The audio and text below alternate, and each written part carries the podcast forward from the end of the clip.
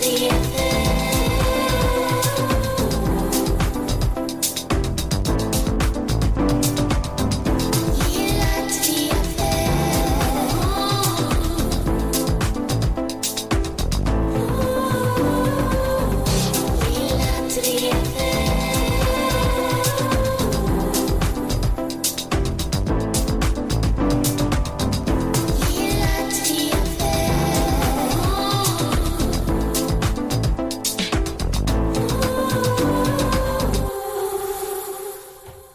säger vi välkomna till det 99 Lilla Drevet.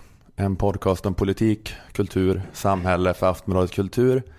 Eh, I Lilla Drevet den här veckan har ni som vanligt mig, Ola Söderholm. Jag har varit med från början. Glädjens röst. Det minns inte jag att det var så. Det var så.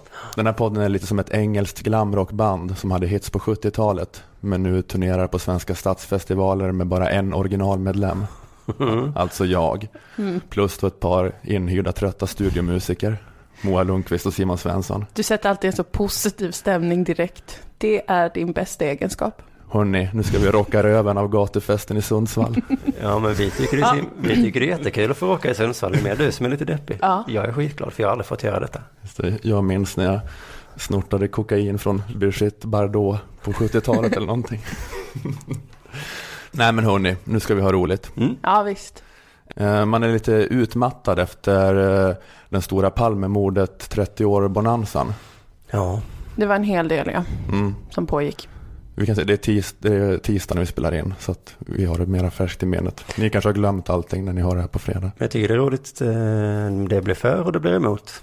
Man kan vara för och man kan vara emot. Palmemordet, Ja, till och med Palmemordet kan man vara för. det finns väl en övervikt på mot? Ändå. Ja, men det var på, ja men okej, Palme då. Att man kan hitta för och emot eh, ja, ja. ja. även i det här mordet då.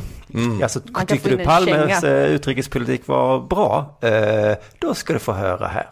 Ja, Okej, så du tyckte att det var spännande så att man kunde vara för eller emot sossar? det var en insikt du fick här. Ja, men tänk 30 års sen eh, 30 minne. år efter Ikea-mordet, då kommer det vara samma sak. Jag vet inte. Nej men eh, jag, tänk, jag tycker att det är eh, rätt starka känslor som rörs upp. Att jag tycker att eh, ja, man kan vara för eller emot sossar på ett sätt.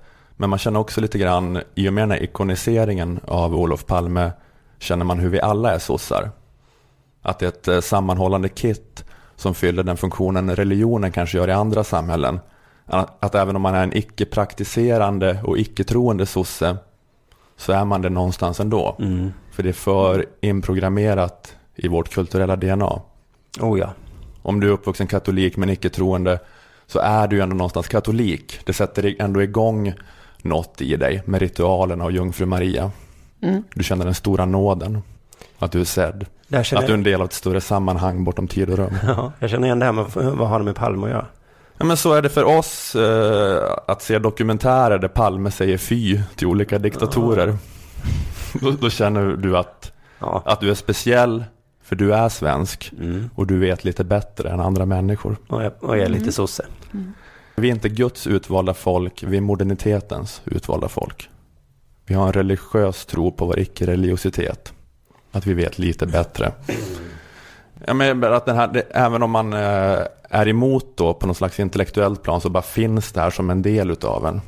I ens, jag vet inte vad det är. I ens själ. Ja, eh, och eh, i den här religiösa liturgin finns Palmemordet som urtraumat. Mm. Det är som judarnas fördrivning ur det heliga landet. Varför inte Jesu död? Jag ville ha judarna den här gången. Okej. Det är ur katastrofen som alla olyckor därefter springer ur. Mm. Som den eh, stridbara vänstersosseaposteln Daniel Suonen Ja. beskriver det. Han beskriver i Studio 1 hur han som sjuåring vaknade på morgonen natten efter mordet. Oj, oj, oj. Jag kommer ihåg den där morgonen när, när man trodde att man tassade upp till eh, Godmorgon Sverige, tror jag det var, som gick då på lördagar.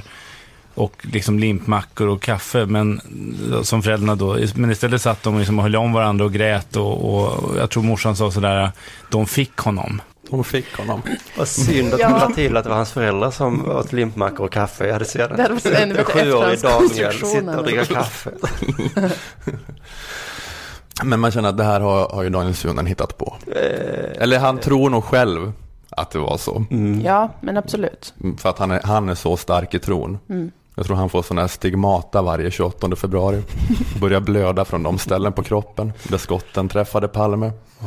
Så jag tror, jag tror hans minne spelar honom ett spratt. För det passar så bra in i berättelsen.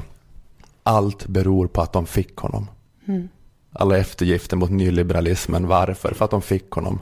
John Bauer gymnasiet. Varför? De fick honom. Daniel, de fick honom. Vad är det mamma? Varför hände hemska saker? Som Carema och Robinson, Jan Emanuel. De fick honom. Ja, men, och det här är ju rituellt, skulle jag säga. Ja, Och grejen med ritualer är att de skapar ordning utan förståelse. Att du behöver inte förstå varför det är så här, men om du bara tror på det och lever efter det så blir det bättre för alla. Alltså så är det med religion, att det skapar ordning så. Det, alltså det är svårt logiskt att förstå varför alla problem beror på att de fick honom. Precis som det är svårt att förstå varför alla problem består i en fördrivning från Jerusalem 70 år efter Kristus. Men du behöver inte förstå, du behöver bara tro. Om vi alla bara tror så blir det en fungerande religion som skapar ordning och sammanhållning. Kan det bli så att, att våra barn kommer förneka Palmes existens? Och så kommer de att säga, jo men han fanns. Det är vi helt säkra på. men han blev inte skjuten. Nej, Han fanns, men vad han gjorde, alla de här myterna och berättelserna. Han sa inte sådär om Franco. nej, satans mördare. Nej, nej, nej. Det var hans barn som skrek det och till sin pappa. Det där var ju någonting som skrevs långt efter hans död, utan människor som inte riktigt hade koll på vad som hade hänt. Ja, ja, men det är möjligt. Det är väl något som kommer ebba ut eh, efterhand, antar jag, blir mer och mer utspätt, den här religionen. Men den är fortfarande rätt stark i vår generation.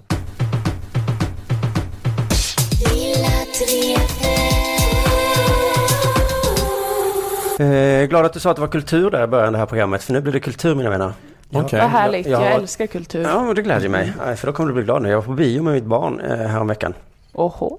Jag har barnfilm, så många barn i publiken. Eh, och biokillen, ni vet att det står en biokille nu för tiden. Ibland har de en biokille, Ja, ja, man vet inte när. som presenterar filmen Ja, i princip. det är så konstigt, så Mm. konstigt. Han sa fel, han hade utländskt ursprung. Ja. Så sa han, hoppas att ni ska njuta av TV, tror jag han sa. Ja. Och det blev lite tryckstämning. Alla föräldrar sk- skruvade på sig. Hoppas ingen märkte det här, sa vi. Ett barn ropar, film heter det! ja. Inte konstig stämning alls. Det är det som är skönt med barn. Att de är rasister. Ja, Nej men deras rasism är liksom bättre än när vi vuxna är rasister. Mm. För han tyckte det var underbart. Han sa, ja, ja, ja, film heter det, sa han. Och så blev det bara kul. så det var inget Varför tog inte jag chansen att vara sådär skön?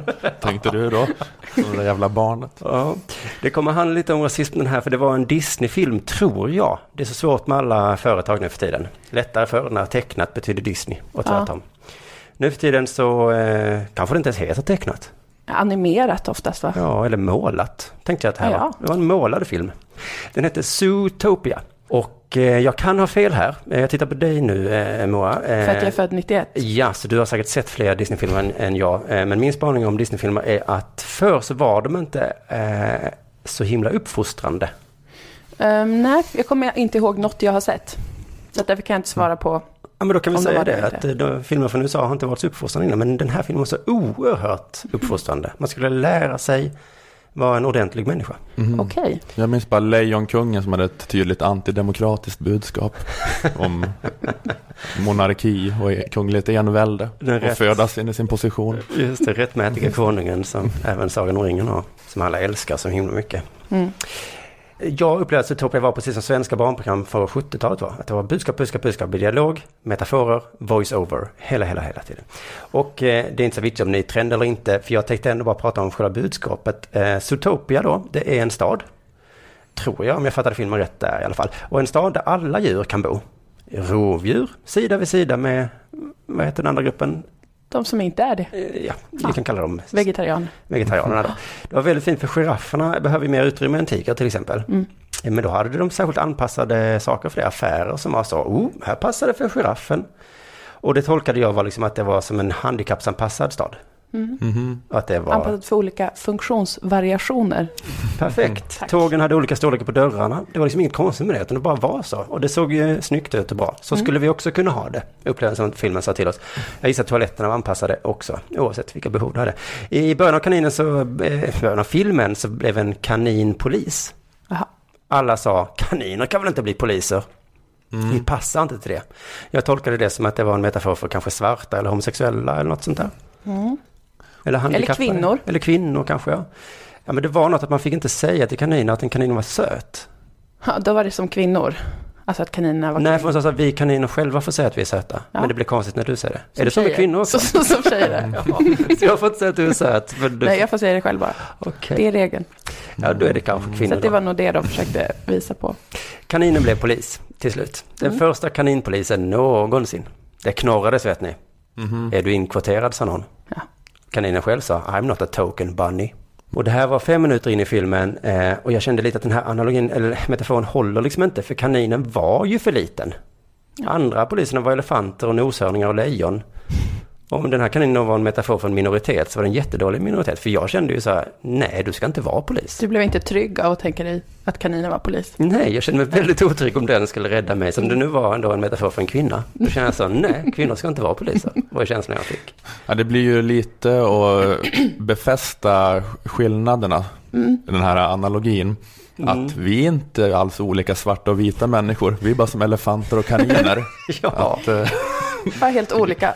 ja, det var så jävla sjukt. Och kaninen skulle då jaga bovar som hade jättestora tänder och det gick ju inte. Nej, De var lite snabb såklart, men, men det kom inte så långt med. Jag ville ju heja på kaninen för det var huvudpersonen där, men nej, kaninen ska nog inte vara polis. Så efter fem minuter var jag då homofob eller misogyn. Tack Ja. så mycket för det, Disney. Okej, okej, okej. Fint budskap till barn var det kanske. Du kan bli vad du vill, även om alla säger att det är omöjligt. Tråkiga gubbar som jag säger, det går inte. Fine, budskap. Om man nu tycker det är viktigt med budskap i målade filmer. och budskapet då att eh, vi är inte alls olika. Vissa är bara åtta gånger större än andra och har mer utvecklad hjärna. Och, eh, Ja, just Nej, men, men jag tror att kaninens föräldrar sa så att du kan aldrig bli polis. Och alla sa det går inte och så blev det hon det ändå. Så var det ändå lite fint kanske. Trots att det finns surgubbar som jag. Men det fanns fler eh, budskap. Till exempel att vi alla har fördomar. Men att vi måste lära oss hantera dessa här eh, fördomar. ja. Det, det var ju ganska bra. Hur visar man då rasism i en film med djur? Kanske att olika hundraser har olika åsikter om varandra kanske? Eller att... Tror att det var en lektion eh, det här med att han sa tv innan där? Om, om fördomar. Ja, kanske. Det passar väldigt Hur bra. dåliga alla vuxna var på att hantera sina fördomar och bara drabbades av konstig skuld. Just det. det står en kanin där framme. Det började redan där. Performance art. Var det kanske att pitbulls blev trötta på att bli trakasserade av polisen? Nej, nej, nej. Eh, här kommer vi till nästa problem då med Disneys metafor. Eh, eh, för att rasismen och, och fördomarna i filmen var så att arterna hade olika kännetecken. Man fick som sagt inte säga att kaninerna var söta, då var man rasist. Rävarna hade någon grej med att alla sa att de var sluga. Men det var då en räv som sa inte alla rävar är inte sluga. Sa en räv det? Ja, eller han kände sig så himla utpekad jämt, för ingen litade på honom. Och det var så synd för han var väldigt snäll. Men alla bara, åh, typiskt rävar, kom här och så sluga. Ja. Vissa rävar var ju sluga. Och då var ju budskapet då för att alla trodde att de var det. Så var det någon räv som bad om ursäkt då. Åh, alla trodde att jag var det, så därför så är jag det. Det fanns inga socioekonomiska förklaringar. Eh, nej, det var nog mer det här att eh, om du säger att det är det så blir Så jag om det vi tar slut. hänsyn till klass, hur mycket liksom av den här räveffekten återstår då? Om vi tar hänsyn till män, djur i samma samhällsklass inom andra grupper? Nej, det- Nej inget sånt. Det Nej. kanske var för att det var en amerikansk film då. Så det Ja, så så jag mycket har en blind fläck för det. Mm, precis. Man fick inte klappa får på ullen och säga att det var mjukt. Ja. För det var fördomsfullt. Mm. Det är som en här analogi till det här med svart hår kanske. Ja, att folk kanske. håller på och tafsar på afrohår. Allt som är kul med djur fick man inte påpeka. Ett ganska tråkigt samhälle kan man säga. Hör ni, nu blir jag sån igen. Får man inte säga korvryttare om homosexuella va? Jävla samhälle. Filmen gjorde mig till sån himla... eh, Oh, usch, jag tycker inte om mig själv. Det var så himla jobbigt. Men man fick tycka att sengångare var långsamma. Den typen av rasism var helt okej. Ja. Då fick man säga så, åh vad långsamma ni är! Fick man skrika till och med. Vad sengångare asiaterna då i analogin? Att det är så mycket mer accepterad rasism. Nej, Att det var sådana som jobbade i kommunalt tror jag. Okej. Den värsta rasismen var i alla fall att eh, de här vegetarianerna var rädda för rovdjuren. I den här filmen så var det tusen år sedan de slutade eh, äta varandra. Eh, Men det satt ändå kvar liksom djupt rotade i de här och det tyckte filmen var förskräckligt. Jag tyckte att det var ganska rimligt. Mm. Eh, dessutom var det några rovdjur som blev helt galna och började, började äta smådjur liksom. Och då blev det en stor grej i den här filmen. Inte alla rovdjur, det handlar om enstaka individer. Och så fick man se på tunnelbanan hur en gaselltant flyttade sig lite när det dök upp ett lejon. Ja. Och jag bara, men det är väl inte så konstigt. Det är klart att man är rädd för ett lejon om man är gasell. Så blev jag rasist. Homofob, misogyn och rasist. En räv och en kanin var bästisar helt plötsligt. Men så då Så, när, du har när, ingen anledning att vara rädd. Mer än att vara gasell och anledning att vara rädd för lejon. Är det ett sånt budskap till, Ja, det som var- ditt barn, ditt lilla Ja, barn men fick jag lära vet sig? inte exakt vad de ville lära mitt barn. där. Den där kaninen och räven som var bästisar då, och sen så då när rovdjuren blev tokiga så råkade kaninen säga, ehm, det kan ju bero på biologi. Och då blev rävkompisen så himla ledsen och arg. Och han bara, va? Det var som när Bosse Hansson sa svartingar. Han bara, jag kan inte fatta, sitter fördomarna så djupt i dig att du inte ens fattar att du är rasist när du säger att det handlar om biologi, att djur äter varandra. Oh, vad svårt. Ja, i alla fall. En, ett rovdjur blev av med jobbet för folk tyckte det var lite obehagligt med ett rovdjur som satt i receptionen. Ja. Jag gissar att man skulle tänka, nej, fy vilka fördomar. Men jag bara, det är klart som fan ett rovdjur inte kan sitta i receptionen. Vi kan inte ha rovdjur i receptionen för helvete. Smådjuren blir ju rädda. Ja, så mitt tips är, se inte den här jävla Zootopia om du inte vill bli då homofob, funkofob, rasist och allmänt oskön gubbe som inte tycker att man ska sträva efter sina drömmar. Men sen så var ju det, precis som du sa, jag, vet, jag funderar som över om, om, eh, för i början tänkte jag, åh nej, inte en sån här budskapsfilm, sån här tråkiga budskap att man ska vara snäll. Mm. Men det kanske var tvärtom, det kanske var en reklamfilm för Donald Trump. Ja, Akta er för mexarna. Ja, det går, det går inte. Det blir kollaps. Ja. ja, men det är väl någon sån där kritik som kan vara mot identitetspolitik, att ifall man betonar det för mycket så hamnar man på samma sida som rasisterna till slut, för att man pratar så mycket om essentiella skillnader mellan grupper. Mm. Och här verkar det som att, att man tar lite för långt om man tycker- säger att det är som olika djurarter, Jag olika det är jättesmart att använda så djurvärden för att visa hur knäppa vi människor är. Men just rasism kan man inte använda djur, för där, där blir det ju rätt på något sätt då. Med, Ja, ja exakt. för djur är faktiskt Vi jätteolika. ska bara använda det här djungens lag, har vi tänkt. Den bästa grejen att använda. För att visa att, eh, hur fel det är med rasism.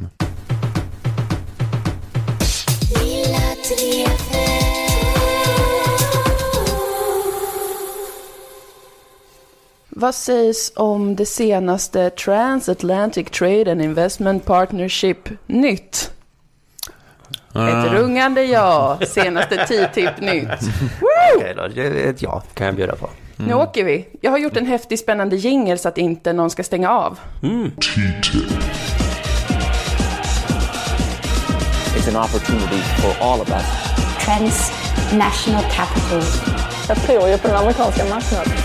The dirtiest trade deal in Europe's history. Pretty cool. nu vill man inte stänga av bara för att det ska snackas frihandelsavtal va? Alltså musiken var tuff, men det som sades var tråkigt. Men kände du inte till den musiken att man ändå drogs med? Man Okej. vill veta mer. Vadå? What's going on? Det kändes som att man var på ett sexigt party. Ja, visst, Med visst mycket, mycket, mycket rö, rök, rök och strippor kanske och burleska, burleskt utklädda människor. Precis, en strippa i en EU-flagga kanske. Jag har ju pågått lite om turerna kring frihandelsavtalet mellan EU och USA innan, men haft lite svårt att uttrycka mig eftersom att man låter som ett vitt svenskt reggaeband om man pratar om storföretagen och liknande. Jag har berättat om att det är ett problem för mig, men nu börjar det vända. Nu börjar det vara lite kikt igen. Jag känner vinden i håret. Man blir liksom inte längre en mem där man har en foliehatt om man pratar om överstatliga investeringsrättsdomstolar, utan nu är det lite sexy och cool. Tack Gud för det. Folk kan inte höra skillnad på dig och chemtrails miljöpartisten. när, när du pratar om det. Att det är, Så det, lå, det låter likt. Man, man hör inte riktigt på orden, men man hör på bruset utav ljudet från den som pratar. Och det känns som att det är samma. Men nu är det lite cool och det är tack vare alla nya hippa marxistekonomer och Bernie Sanders och Josef Stiglitz bland andra, en ekonom. Kul för oss som eh, läser om TTIP. Den tolfte rundan av förhandlingarna kring frihandelsavtalet avslutades just i fredags och EU meddelade att eh, det går segt. Är tråkigt, jobbigt. Nästan outhärdligt faktiskt. Det är segt. Det Ja, för jävligt, rent ut sagt. Men, men de ska försöka öka tempot och hinna skriva under innan året är slut. Det sa de förra året också, året innan. Herregud, är det den tidsramen vi har? Ja, de vill göra det innan Obama avgår, för att då, de vet inte vem som kommer bli nästa president. Och det kommer ta jätte- jättelång tid om de inte får igenom det innan Obama Jo, för att, eh, gänget för att försvinner. även om det skulle bli Trump så är han, även om han är höger, så är han, Han emot sånt. Ja, han är så här för protektionistiskt. Yes. Han vill typ hålla på som Putin med ekonomin Ja. och bara kontrollera Han sin skulle naturgas. aldrig gå med på TTIP. Och inte så många andra heller. Clinton är också eh, ganska negativt inställd och Sanders hatar det ju som satan. Oj, Nej, jo, men lite så. Det här har ju förhandlats sedan 2013. Tanken är att ett sånt här avtal ska underlätta handel mellan EU och USA. Skapa världens största frihandelszon. Men går det trögt för att folk håller på och protesterar? Exakt, för att det är inte bara att man ska ta bort handelshinder, utan det är också att det ingår ett regelverk för investeringsskydd. Det är det som har blivit eh, liksom jätte, jätte omstritt. Det är ett investeringsskyddsmekanism som kallas ISDS, Investment State Dispute Settlement, som har då fått enorm kritik. Folk har varit vansinniga och det har hejdat förhandlingarna. För från vanliga människor protester. som jag på stan. Precis. Det har faktiskt varit så. Men i korthet då kan man säga att ISDS innebär att man lagstiftar om investerares rätt att stämma stater på sin beräknade vinst. Om till exempel en stat inför regleringar för att skydda miljön och så kan inte det företaget göra den vinst de hade tänkt. Då kan de stämma en stat på det de tänkte att de skulle få. Wow. Ja, och... Eh, Att man tänkte förstöra ojnare skogen och få massa pengar. Och sen så blev, fick man inte förstöra den. Och då måste, Då måste staten, måste svenska skattebetalare betala det företaget. Till Lundin Oil. Exakt. Och då, då ska de här fallen lösas i internationella skiljedomstolar, där det funkar så att varje sida får välja varsin typ jurist som kallas för arbitrator, som är en slags specialadvokat som tjänar 3000 dollar per arbetsdag. Och så ska de advokaterna lösa det då bakom stängda dörrar. Så var tanken med det ursprungliga ISDS-klausulen. De här liksom, eh, rättegångarna kostar i genomsnitt 4,5 miljon dollar. För det finns redan nämligen. Det är ganska vanligt faktiskt och blir vanligare och vanligare med sådana här fall där investerare stämmer stater. På grund av regleringar. I 60% av fallen är det på grund av miljörelaterade regleringar. Att, men de stämmer för att man förlorar pengar på grund av miljölagar. Precis som det finns ett eh, känt exempel till Kanada där ett företag som heter Lone Pine Resources har stämt Quebec för att Quebec införde ett moratorium för fracking. För de var så här, vi måste bara kolla hur det var med fracking, om det var kanske lite dåligt. Och då förlorade Lone Pine pengar under den här tiden när de undersökte om det var så att all, alla giftiga kemikalier verkligen var så giftiga. Och det, ja. Så att då har de stämt dem. Och Philip Morris har stämt Uruguay för att de försöker eh, minska rökningen genom att ändra cigarettpaketen. Philip Morris stämmer alla som försöker ändra cigarettpaketen. Och så vidare. Vattenfall har stämt Tyskland för att Tyskland vill fasa ut kärnkraft. Som Vattenfall hade tänkt ha. I Tyskland. De hade tänkt tjäna pengar ju. Och det låter ju knasigt för vi tycker att nationer är mer värda än företag. Men nu börjar jag tänka att det kanske är helt knäppt. Det kanske är lite knäppt. Företag kanske är mycket mer värda än ett land. De har i vissa fall mer pengar. Uruguay har till Ja. exempel inte råd med rättegången mot Philip Morris. Eller de hade jättestora ekonomiska problem för att Philip Morris är svinrika.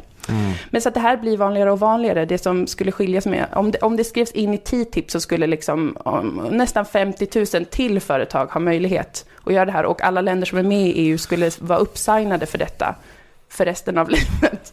Om man inte går ur EU. Så att det, blir liksom, det är därför det har varit eh, upprörda känslor också för att det är en väldigt ovanlig rättighet att få ha i ett samhälle, eller en värld generellt. Att liksom få stämma någon för något man hade tänkt att man skulle få. Åh, vad jag vill kunna göra. Ja, jag, blir, jag blir så ofta besviken när det inte blir som jag tänkt. Ja men exakt. och då det, är det liksom, som blir så oförlöst. Men om jag bara hade fått stämma någon. det hade varit så skönt, så himla himla trevligt. Man kanske hade tänkt att man ska tjäna jättemycket pengar på att sälja eh, hemmatryckta t-shirts med tryckfärg som ger aggressiv hjärncancer. Men det var inte olagligt när man började. Ingen visste att det liksom gav aggressiva tumörer som slår ut allt känt liv. Och sen upptäcker någon jävel det va? Så förbjuds det. Och så hade man ju tänkt att man skulle få Man- en man har inte- miljon dollar. Man har inte ens börjat göra det, man har bara tänkt det. Man har tänkt det. Man kanske har investerat li- 500 kronor. Men man hade tänkt att man skulle få ut en biljard kronor. Jag hade tänkt att vi skulle ha lite trevligt på julafton. Ja, det blev inte så. Det stämmer alla inblandade. Eh, investeringsskyddsmekanismer ingår i, i jättemånga bilaterala avtal redan och då är det till för att skydda investeraren. Och det behövs ofta också då när man handlar med länder där man inte litar riktigt på att det finns kanske ett, ett bra juridiskt system eller där man misstänker att det kanske sitter liksom flumbrallor i regeringen som inte vill att man ska slå ut 900 djurarter med sin investering till exempel. kan det krävas. Eh, men många organisationer, privatpersoner och företag är ju som sagt otroligt, otroligt upprörda över det här förslaget med ISDS, mekanismen i TTIP. Panikslagna kanske nästan är ett bättre ord. Det är, det är liksom demonstrationer med hundratusentals människor, det är 3,3 miljoner som har skrivit under ett upprop för att stoppa den här eh, mekanismen. Det är det nog. Mm. Aktivistgrupper block- blockerar möten, Wikileaks håller på att läcka hemliga dokument för mycket av förhandlingarna sker i, i tystnad. Men inte här i Europa väl? Jo, Ja, det, vad, det är det här som är intressant. ja, man märker. Det har inte varit på tv en enda gång väl? Nej, i Sverige är det inte riktigt samma stämning. Man kan säga att i övriga Europa så enas folk mot det här. Folk, folk går ut på gatorna. Stämningen är lite kanske, om man vill illustrera med en låt så skulle jag välja den här låten i övriga Europa.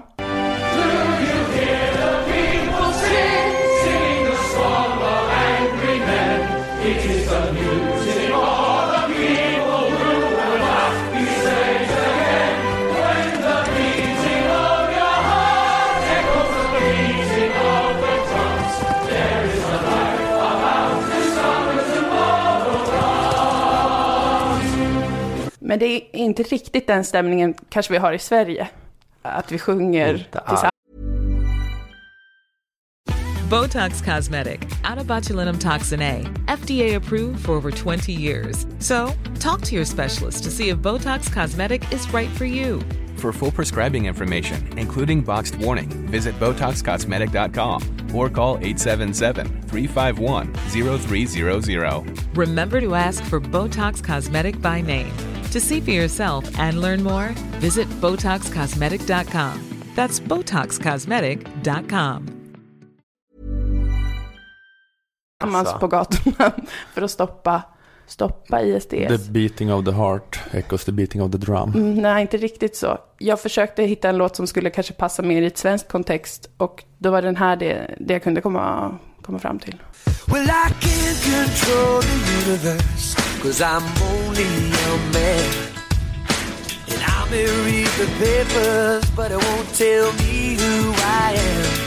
And if you really need a new philosophy, well, there's one that makes sense. The one I profess. I say, hey, whatever. Det är en lite, pyttelite annan stämning i just Sverige, vilket är lite konstigt egentligen, för att det här frihandelsavtalet kommer påverka alla länder i Europa, om det går igenom. Men det är det för att svenskar är lite dummare än andra Jag vet folk då? inte. Att det är för att det är något är lite tråkigt och krångligt? För det känns som att det finns en vilja att hålla på med politisk pepp, men det får inte vara mer komplicerat än Backa Sara för att Sverige ska kunna göra Men när det. var de här? Göteborgsdemonstrationerna? Det var väl mot exakt det här.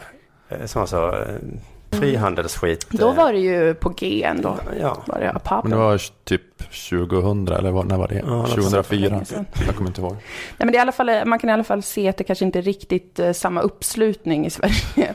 Eh, men det är som sagt lite speciellt också för att det är en svensk politiker som jobbar mega mycket med det här i EU. Och det är ju handelskommissionären Cecilia Malmström. Hon är ju frontperson för hela, för alla förhandlingar. Är hon för? Ja, det är hon. Fast hon är också för nu att liksom anpassa den här mekanismen lite för att de kan inte fortsätta eh, eftersom att protesterna är så himla stora. Men hur går det i de här målen? Eh, är de öppna fortfarande eller har Philip Morris vunnit mot Uruguay? Eller Eh, vad vad har utslagen blivit? Jag vet bara att eh, ut, generellt, det, 95 så fanns det, tror jag, fem fall. Och nu finns det ungefär 600 sådana här fall som pågår. Så att de ökar jättesnabbt och ungefär 60 procent så vinner investeraren. Ehm, och de, i de 40 procent av fallen där, där staten vinner så vinner de ju fortfarande inget. För de kan ju aldrig stämma en investerare. Utan det enda de vinner är att inte betala 500 triljarder dollar till Ja. företaget. De bara betalar 500 triljarder för rättegångskostnader. Exakt, av, av skattepengar. Så att det, det är det jag vet. Och sen, eh, det, det, de här fallen tar ju ofta jättemånga år också.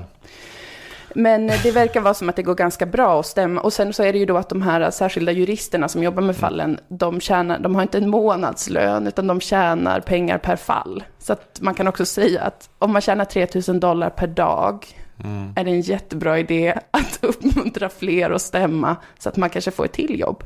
Det kan man ändå säga utan att vara en total cyniker, för det verkar vara lite så.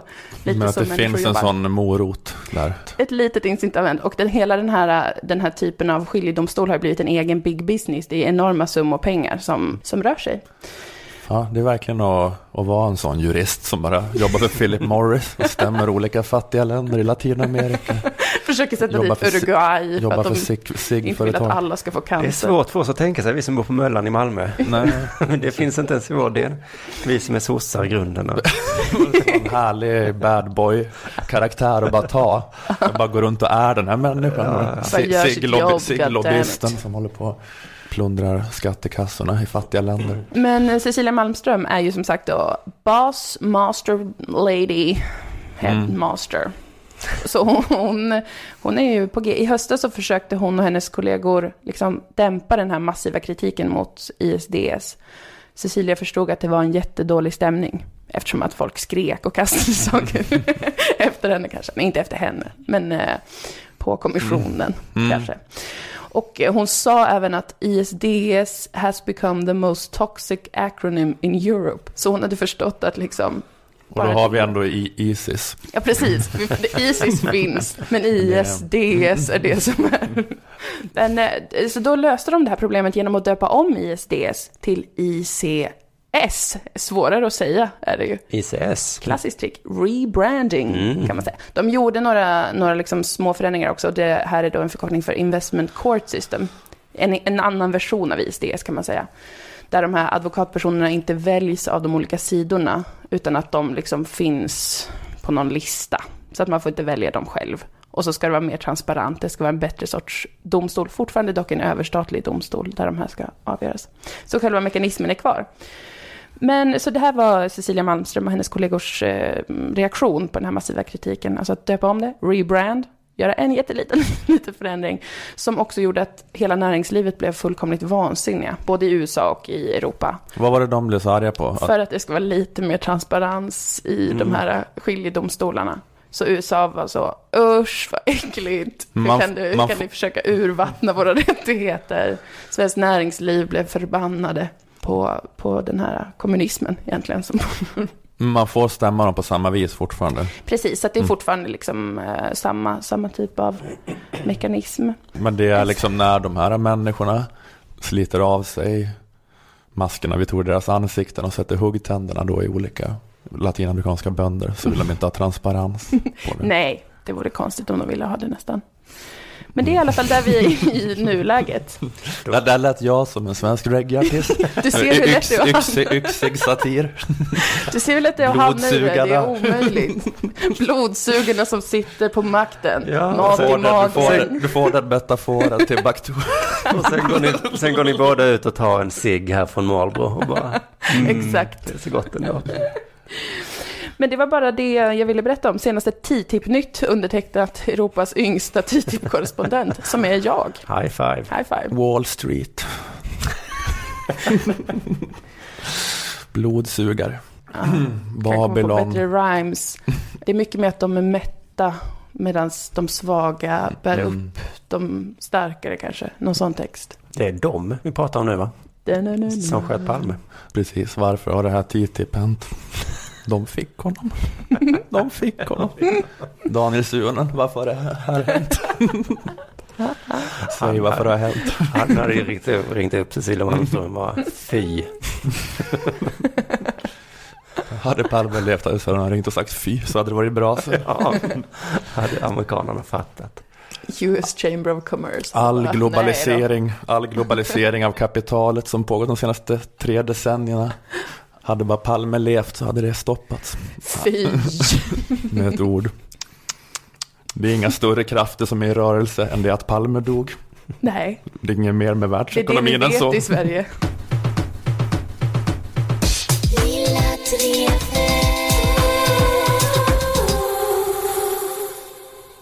Jag tänkte vara lite personlig nu. Snyggt. Jag tänkte nu läsa lite ur ett brev skickat från Hangöfronten den 15 oktober 1941. Vilken front? Hangöfronten. Hangö. Hangö udd ligger i södra Finland Mm. och där fanns ett frontavsnitt under det så kallade fortsättningskriget. Det svenska Finlands frivilliga stred mot sovjetiska trupper. Mm. Eh, Och brevet är skrivet av en officerare i svenska frivilligbataljonen och är adresserat till min eh, morfars föräldrar i Karungi i Tornedalen. Nu blir det personligt. Ja. Eh, Och det har skickats med anledningen av att min morfars bror, Karl Söderholm, har stupat. Mhm. Jag läser sista delen av brevet som beskriver Karls sista ögonblick i livet. Eder son deltog i släckningen av en eld ryssarna anlagt med handgranater. Ryssarna besköt då släckningsmanskapet med artilleri, men eder son fortsatte fullkomligt oberörd i upprätt ställning släckningsarbetet tills han blev träffad. Döden inträffade omedelbart. Eder son var en av de bästa typer för den ras vi med stolthet kallar den nordiska. Jag ska alltid bevara honom i mitt minne som en av mina bästa män. Löjtnant Ragnar Dunkers, Hangöfronten, 15 oktober 41. Wow. Det är därför du... Och det är ditt blod. Det är det här jag bär med mig. Mm. Stå oberörd upprätt under artillerield. Jag tänkte mer på det där att du var det finaste ur rasen. Jag är en del i en lång rad av de bästa typer Ja. för den ras vi med stolthet kallar den nordiska. Typer som försvarat Norden mot de framstormande slaviska horderna. Gett sitt liv för att bolsjeviksvinen inte ska få lägga beslag på Norden. Allt detta bär jag med mig. Ja. Och vad händer då i Melodifestivalen? Nej. De svek den. Vad mor. gör de? Karl dog förgäves. Normupplösarna, postmodernisterna på SVT. De tar bort Norden ur nationalsången.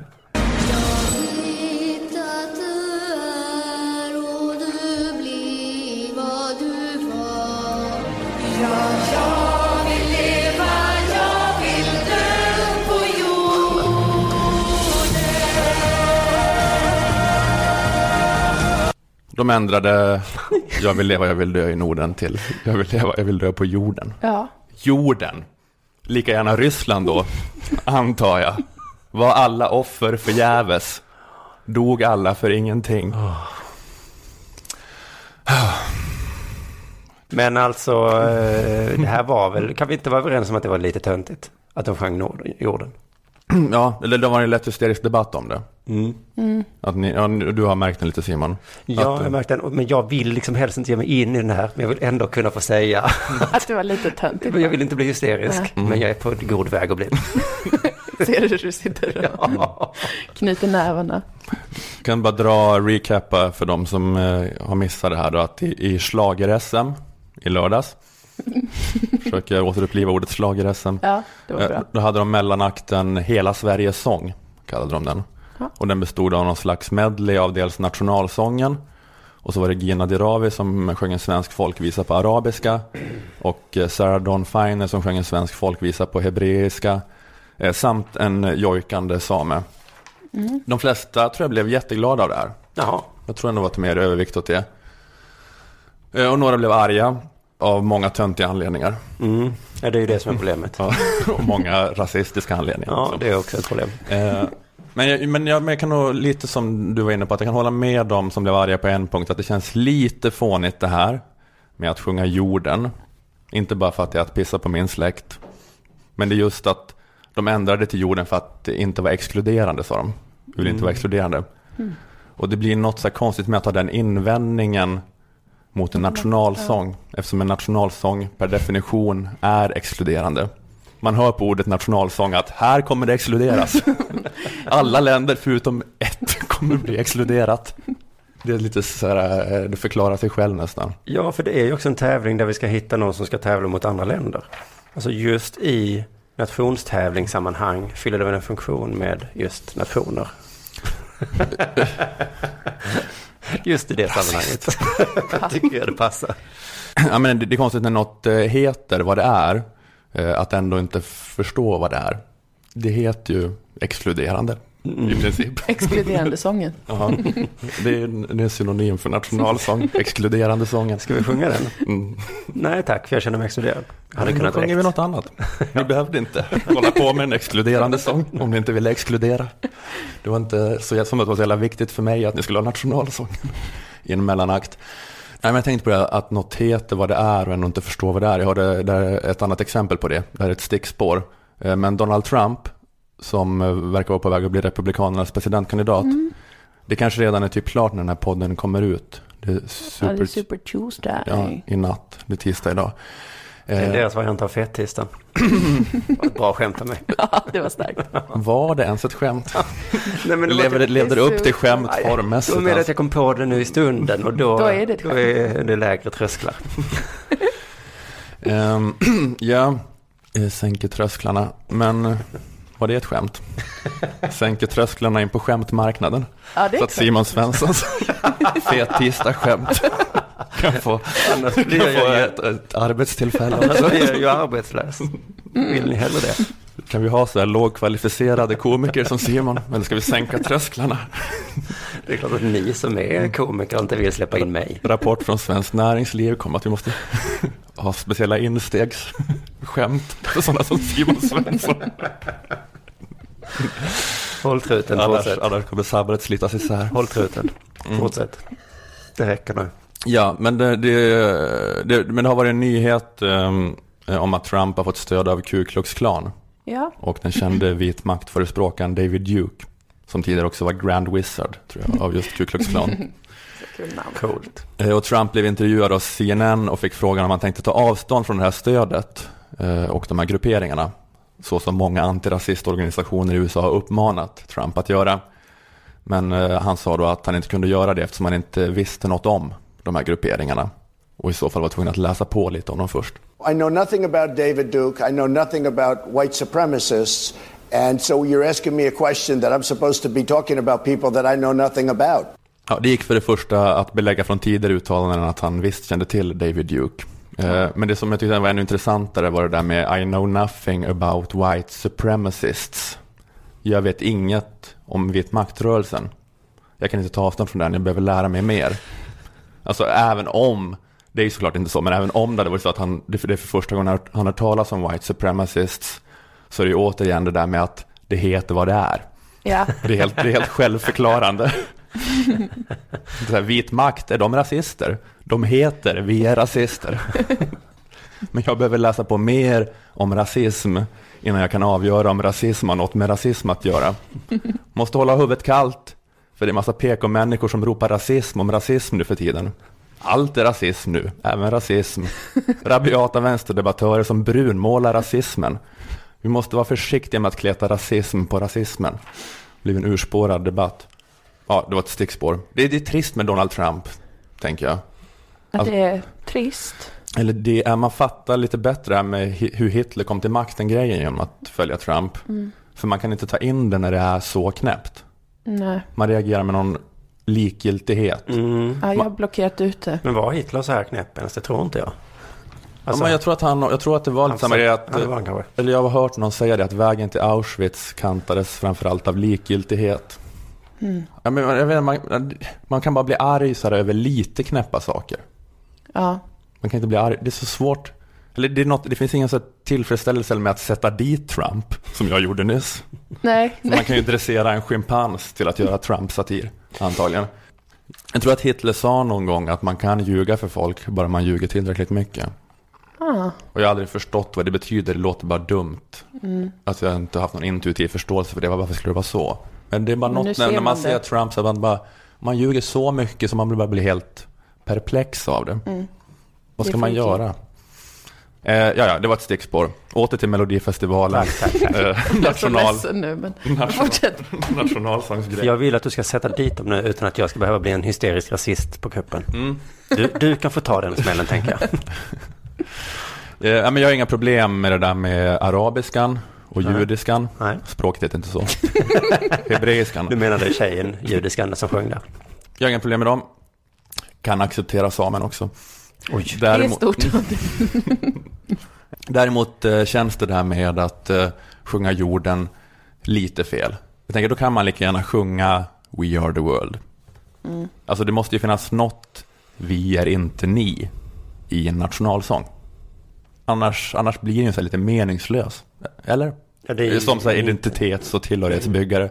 Alltså om, om man ska göra det, det är inte jag som säger att det är så jävla viktigt att hålla på och göra det i en mello mellanakt. Men om man nu ska göra det så finns det väl ändå något, något sånt element i det.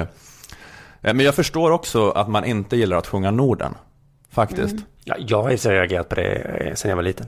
Varför Ja. ska jag sjunga Norden för? Ja. Och jag förstår också det, att de vill ändå vara då inkluderande, mer inkluderande i sin nationalsång, att det är något med, ja men att Norden känns exkluderande på fel sätt. Jag tänker att det, att det Zlatan gjorde var det rätta.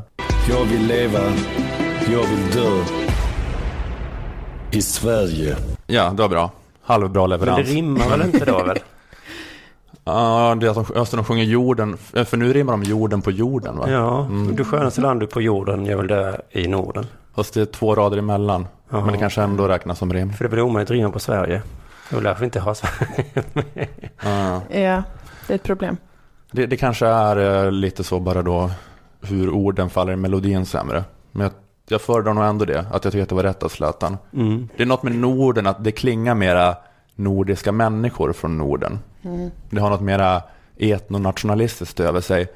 Men Sverige blir mer ett begrepp som jag ändå tänker kan fyllas. Mer med så här medborgarskapspatriotism. Att det borde vara möjligt, mer än Norden i alla fall, borde vara möjligt att fylla begreppet Sverige med en sån coolare Beyoncé sjunger Stars and Stripes på Super Bowl nationalism. Ja. Att vi är en nation av medborgare av olika kulturer förenade kring vissa idéer. Beyoncé är bra.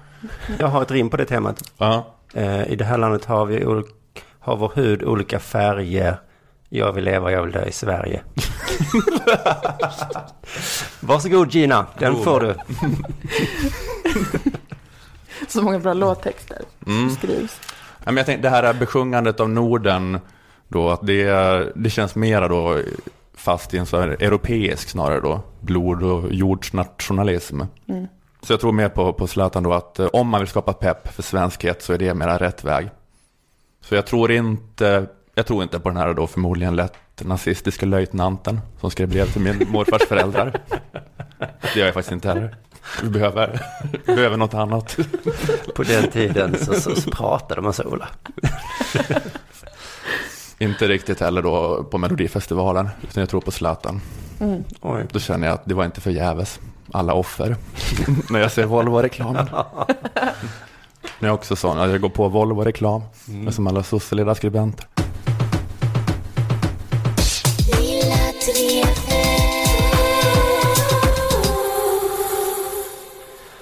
Hörni, jag såg en artikel som blev väldigt delad av eh, mina så kallade vänner på Facebook.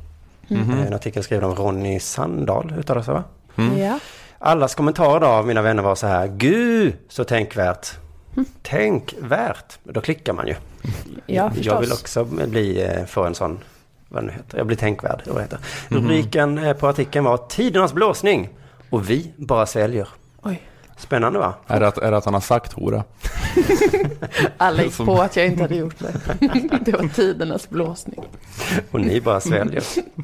nej, det var det inte. Men, vi, men jag kände så här, nej, nej, nej, nu är det någonting jag går på igen. Och jag skäms Ja, alltid när jag går på jobbigt. saker. Särskilt när det är reklamknep och så.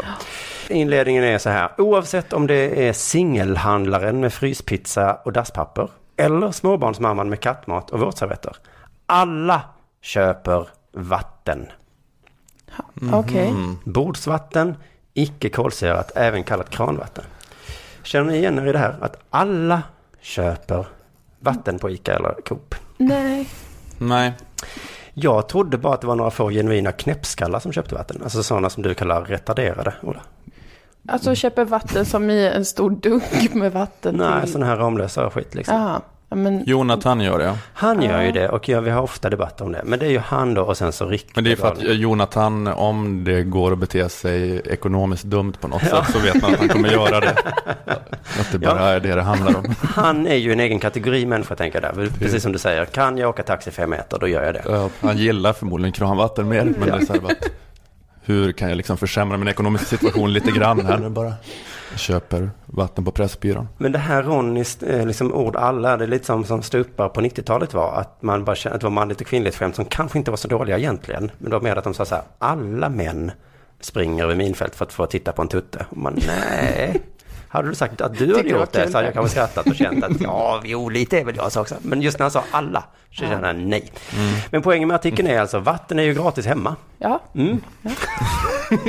och mina Facebook, Facebook-vänner kände det här, det var tänkvärt.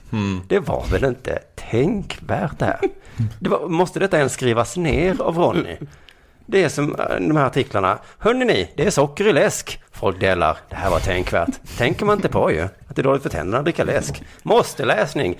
Geni!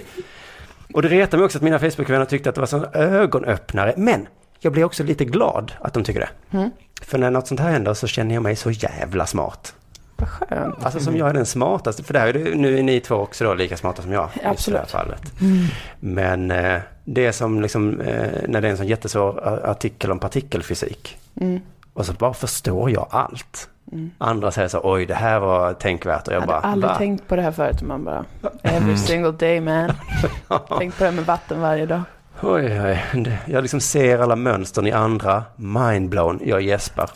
Öppnar en tjock bok. Där det står något intressant. Jag tänker att jag kan liksom bli kung över det här landet. Bestämma allt. Och ni andra ska inte ens fatta vad jag säger. Köp gammal luft på flaska, hade jag ropat. Och ni nickar bara okej. Tänkvärt. Köp varm luft. Kan du stoppa in i ugnen? Okej. Ronny bara, har ni tänkt på att varm luft finns i ugnen? Ja, det är i och för sig sant va. Fan vad sjukt. Köp utsikten från din balkong på flaska. Fan vad gött. Att jag fattar att det här är sjukt. Men alla ni andra bara, ja det är ju en bra idé. Jag är så jävla smart. Men, eh, men nu har ju alla fattat tack vare Ronny att det är sjukt. Ja, här, men, du, ja, men du menar att det kan vara lika lätt det är lika lätt att vara tänk, du, du har insett hur lätt det är att vara tänkvärd nu. jag tror Ja, det. du, du kan skriva krönikan eller skämtet då, köpa Ja, eller du, eller, du kan börja sälja luft på flaska så kommer folk köpa det tills Ronny Sandahl skriver en krönika. jo men jag så tror precis som den här artikeln om att att, att det är socker i läsk så köper vi ändå läsk. Och precis som den här artikeln, den kommer inte få folk att sluta köpa vatten för folk är ju sinnessjuka och dumma i huvudet. Förutom jag då, Mm. mm, som kan bli kung. Känner jag idag. Tack Ronny för den känslan. Okej. Det hade blivit lite bättre om ni två hade varit vattenköpare. Men nu råkade det bli så att tre av Sveriges smartaste människor satt i samma rum.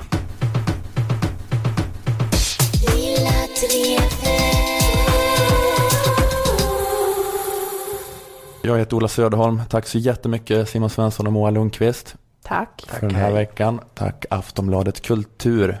Vi hörs igen nästa vecka. Hundrade avsnittet. Oj! Hej då. Hej då. Hundrade avsnittet, det låter som att det kommer vara ett jubileum.